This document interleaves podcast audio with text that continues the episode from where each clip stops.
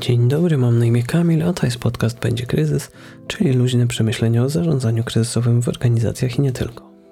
W dzisiejszym odcinku, zgodnie z obietnicą złożoną w poprzednim, przejdziemy do branży budowlanej. Chciałbym opowiedzieć o firmie Caterpillar. To jest znany producent maszyn budowlanych i kopalnianych, silników na olej napędowy, gaz ziemny, przemysłowych turbin gazowych oraz lokomotyw. Firma jest obecnie jednym z największych przedsiębiorstw na świecie pod względem uzyskiwanych przychodów, oczywiście mm, w tej branży.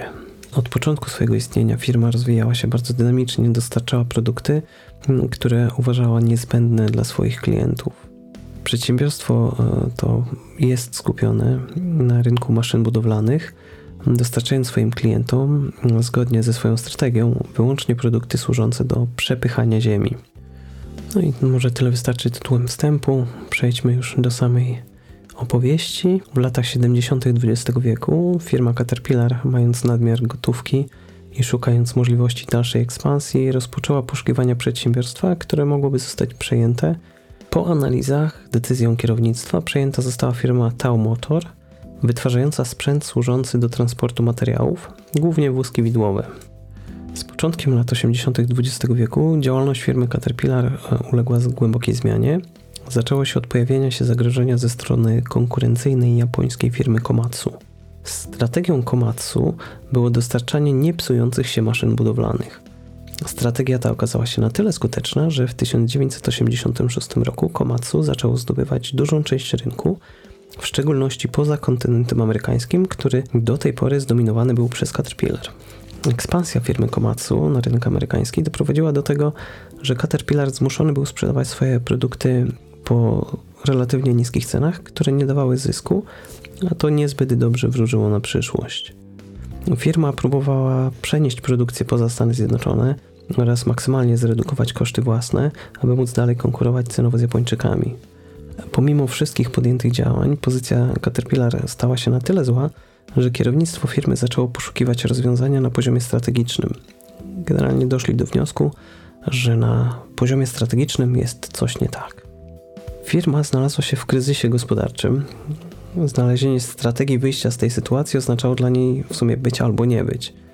Jak się uda, to przetrwają i być może odniosą sukces. Jeżeli się nie uda, no to firma zniknie z rynku albo zostanie przejęta przez konkurencję, być może nawet Komatsu. I w tym momencie w firmie Caterpillar ktoś podjął odważną, jak uważam, decyzję, żeby poszukać pomocy na zewnątrz. Firma nawiązała wówczas współpracę z wieloma konsultantami zarządzania strategicznego, jak również kierownictwo firmy odwiedzało inne przedsiębiorstwa, poszukując u nich możliwych rozwiązań, inspiracji, pomysłów, które dałoby się wdrożyć e, w Caterpillar. Niestety te działania nie przynosiły skutku i firma ponosiła coraz większe straty. Jeden z wysokiej rangi menedżerów firmy Caterpillar natknął się wówczas na książkę Michaela Roberta opisującą proces myślenia strategicznego, z angielska Strategic Thinking Process, czyli w skrócie STP, który został opracowany przez Decision Process International, w skrócie DPI, firmę konsultingową o międzynarodowym zasięgu. Po wewnętrznych dyskusjach kierownictwo było pod tak dużym wrażeniem prostoty STP i potencjalnej szybkości e, uzyskania efektów, że zdecydowali się zatrudnić DPI. Celem współpracy oczywiście była naprawa strategii firmy Caterpillar. Na pierwszej sesji myślenia strategicznego Autor książki, jednocześnie konsultant DPI Michael Robert, poprosił zarząd Caterpillar, aby sformułowali swoją strategię. Jedna z osób obecnych na sali odparła, że wcześniej strategia skupiała się na tworzeniu maszyn do robót ziemnych, ale została zmieniona i nowa wersja mówiła o tym, że e, Caterpillar będzie tworzyło maszyny do robót ziemnych i przenoszenia materiałów. W odpowiedzi Michael Robert zapytał, czy zmiana strategii nastąpiła przed czy po przejęciu Tau Motor. To pytanie e, było na początku przyjęte z dużym niezrozumieniem, a później tak naprawdę otworzyło oczy kierownictwu firmy Caterpillar. W firmie powołano zespół menedżerów wysokiego, aczkolwiek już trochę niższego szczebla, którzy mieli przejść przez proces nauki myślenia strategicznego. W wyniku kolejnych sesji szybko zidentyfikowane zostały przyczyny kryzysu. Tak naprawdę przejęcie Taumotor okazało się błędem, i było jedną z przyczyn, dla której firma zeszła z kursu dynamicznego rozwoju, popadając w kryzys. Co więcej, firma zaniedbała swój podstawowy biznes, odchodząc od strategii opartej na produkcie. Okazało się, że obszar działalności Caterpillar, czyli przepychanie ziemi, nie jest kompatybilny z obszarem działalności Taumotor, czyli przenoszenie materiałów. Strategie dotyczące tych obszarów różniły się od siebie praktycznie w każdym aspekcie, zaczynając od klientów, poprzez procesy wytwarzania, metody sprzedaży i dystrybucji, aż po wymagania serwisowe, informacyjne czy dostawców i konkurentów. Proces myślenia strategicznego, który był przeprowadzony, pokazał, że bardzo duże nakłady finansowe pochłaniane były przez straty przynoszone przez dział przenoszenia materiałów, czyli tak naprawdę dawną firmę Taumotor. Na światło dzienne wyszło również to, że jakość produktów w podstawowym obszarze działalności firmy Caterpillar znacząco się pogarszała i rosły koszty serwisu oraz niezadowolenie klientów, którzy odchodzili do konkurencji. Co więcej, aby pokryć koszty przejęcia Taumotor oraz zrekompensować straty, obniżony został budżet prac badawczo-rozwojowych z 7,8 na 1% sprzedaży. To z kolei pozwoliło firmie Komatsu zmniejszyć lukę technologiczną, jaką mieli do produktów firmy Caterpillar. Jako rezultat procesu myślenia strategicznego, kierownictwo firmy Caterpillar doszło do wniosku, że ich firma oparta jest na produkcie i skupieniu na kliencie, co później zostało uznane za punkt zwrotny w historii firmy zapadły decyzje, trudne decyzje, żeby pozbyć się przejętej firmy Taumotor, co skutkowało stratą w wysokości prawie 300 milionów dolarów. Dodatkowo Caterpillar postanowił pozostać amerykańską firmą produkcyjną, czyli produkować wszystkie swoje produkty w Stanach Zjednoczonych oraz dokonać inwestycji 2,5 miliarda dolarów w zautomatyzowaną produkcję, co miało przynieść poprawę jakości produktów. Dodatkowo przywrócony został budżet prac badawczo-rozwojowych oraz strategicznie skupiono się na wytwarzaniu i sprzedaży najlepszego produktu w swoim obszarze działalności, tym już zawężonym. Kolejne decyzje miały związek e, z załogą. Mm, konkretnie dotyczyły braku zgody, pomimo groźby strajku, na umowę ze związkami zawodowymi, ponieważ umowa, którą związki proponowały, nie uwzględniała potrzeb firmy Caterpillar, czyli skupiała się tylko i wyłącznie na pracowniku, nie uwzględniała potrzeb firmy jako takiej, co mogło doprowadzić do tragicznych skutków. Postanowiono również, że firma musi znowu zacząć przynosić zyski, nawet minimalne. Dodatkowym pomysłem kierownictwa Caterpillar była próba zrozumienia strategii i sposobu działania konkurencji, w szczególności firmy Komatsu, żeby móc opracować plan konkurowania z nią. W tym celu powstał zespół w liczbie 20 osób w firmie Caterpillar, którzy najlepiej znali japońskiego konkurenta i wykorzystano odwróconą wersję procesu myślenia strategicznego, żeby określić siłę napędową firmy Komatsu. Uczestnicy warsztatów szybko odkryli, że siłą tej konkurencyjnej firmy była technologia hydrauliczna, która pozwalała firmie istnieć i odnosić sukcesy na wielu rynkach, w tym również tych, na których nie działała firma Caterpillar. Dzięki temu odkryciu firma mogła nabyć i opracować wiele rozwiązań technologicznych, które w wydatny sposób zmniejszały znaczenie układów hydraulicznych. Czyli tak naprawdę starali się zniwelować przewagę swojego strategicznego konkurenta. Zrozumienie istoty strategii firmy Komatsu pozwoliło Caterpillar na zneutralizowanie zagrożenia, przynajmniej na rynku amerykańskim, odzyskanie przewagi poprzez przywrócenie budżetu odpowiedniego na RD oraz odbudowanie swojej dominującej pozycji w obszarze sprzętu do robót ziemnych. Następnym etapem była reorganizacja firmy ze struktury funkcyjnej na centra zysku i działy usługowe. Jednocześnie przeniesiono na poszczególne działy odpowiedzialność za decyzje i realizację swoich planów – dzięki czemu zniknął mechanizm takiej blokady decyzyjnej na szczycie organizacji. Na ten niższy poziom przeniesiono również definiowanie polityki działania działu, dzięki czemu odpowiadały za definiowanie tej polityki osoby dużo lepiej znające specyfikę działalności tych konkretnych działów.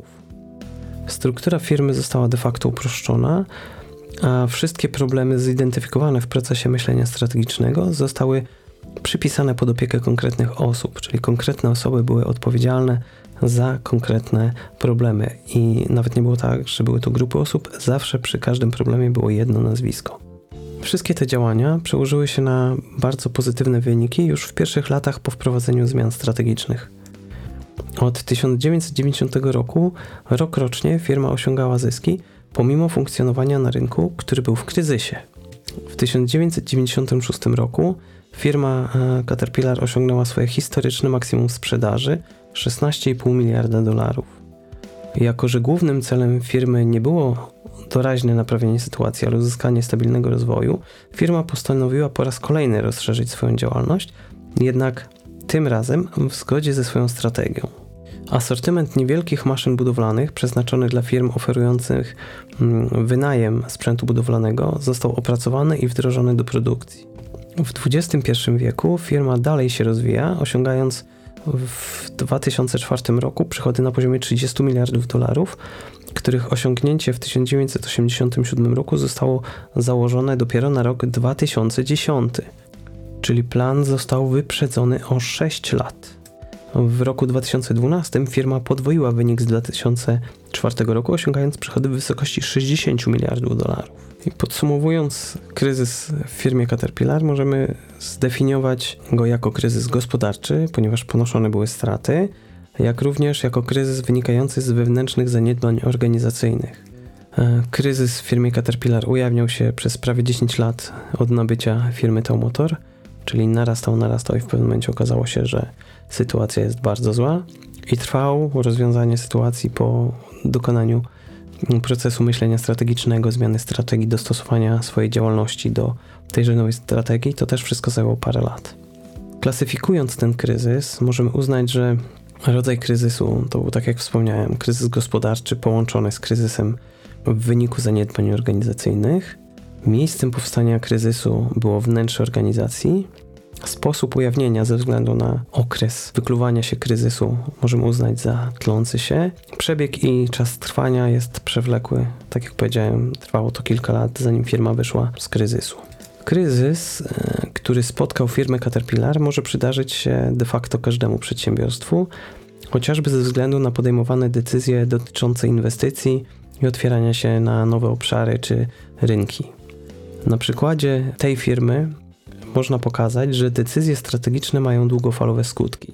W trakcie swojej pracy niejednokrotnie spotkałem się już ze zjawiskiem, gdzie firma opracowuje strategię, wdraża ją, albo przynajmniej zaczyna ją wdrażać, po czym po pół roku nie widzi efektów i strategię zmienia. Porzuca istniejącą strategię, zaczyna tworzyć nową. Po czym nowa strategia po pół roku znowu nie działa, znowu zaczyna się tworzyć kolejną strategię, bardzo często wiąże się to z wymianą menedżerów i wkraczamy w taki zaklęty krąg.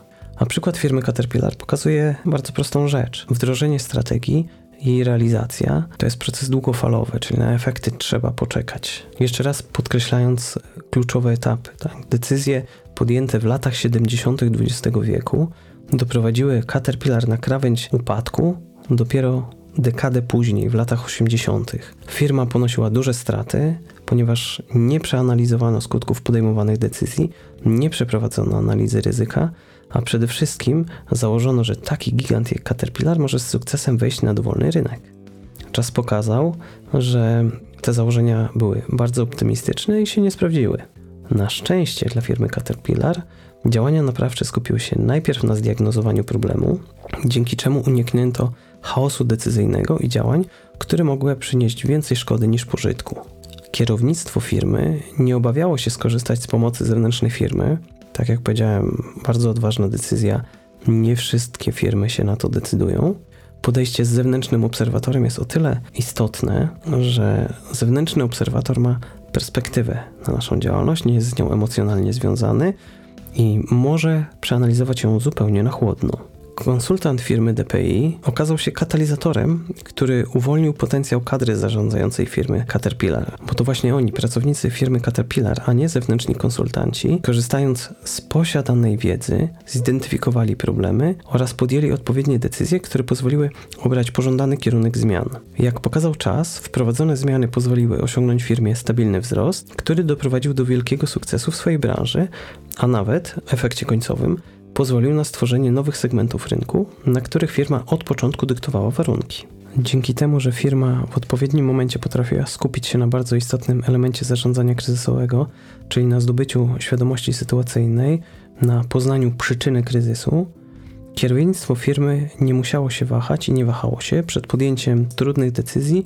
i trzymaniu się ich. Firma poniosła znaczące koszty, grubo ponad 300 milionów dolarów, ale w ostatecznym rachunku odniosła sukces. No, można tylko spekulować, co byłoby, gdyby kryzysu nie było, czy firma osiągnęłaby tak wielki sukces. Sam kryzys pozwolił na skupienie się na rewitalizacji strategii firmy, na zredukowaniu kosztów, na wypracowaniu układu ze związkami zawodowymi, na początku bardzo opornymi, jeśli chodzi o realizację redukcji kosztów, pozwoliło na to, żeby ograniczyć koszty, skupić się na swoim kluczowym obszarze działalności, rozwijać się w nim i wytworzyć na nowo przewagę konkurencyjną, a to wszystko przełożyło się na odniesiony sukces. No i to już wszystko w tym odcinku. Dziękuję bardzo za uwagę. Od razu zapraszam na kolejne dwa odcinki, które pojawią się w przyszłym tygodniu, a będą powiązane z wydarzeniami, które aktualnie dzieją się wokół nas.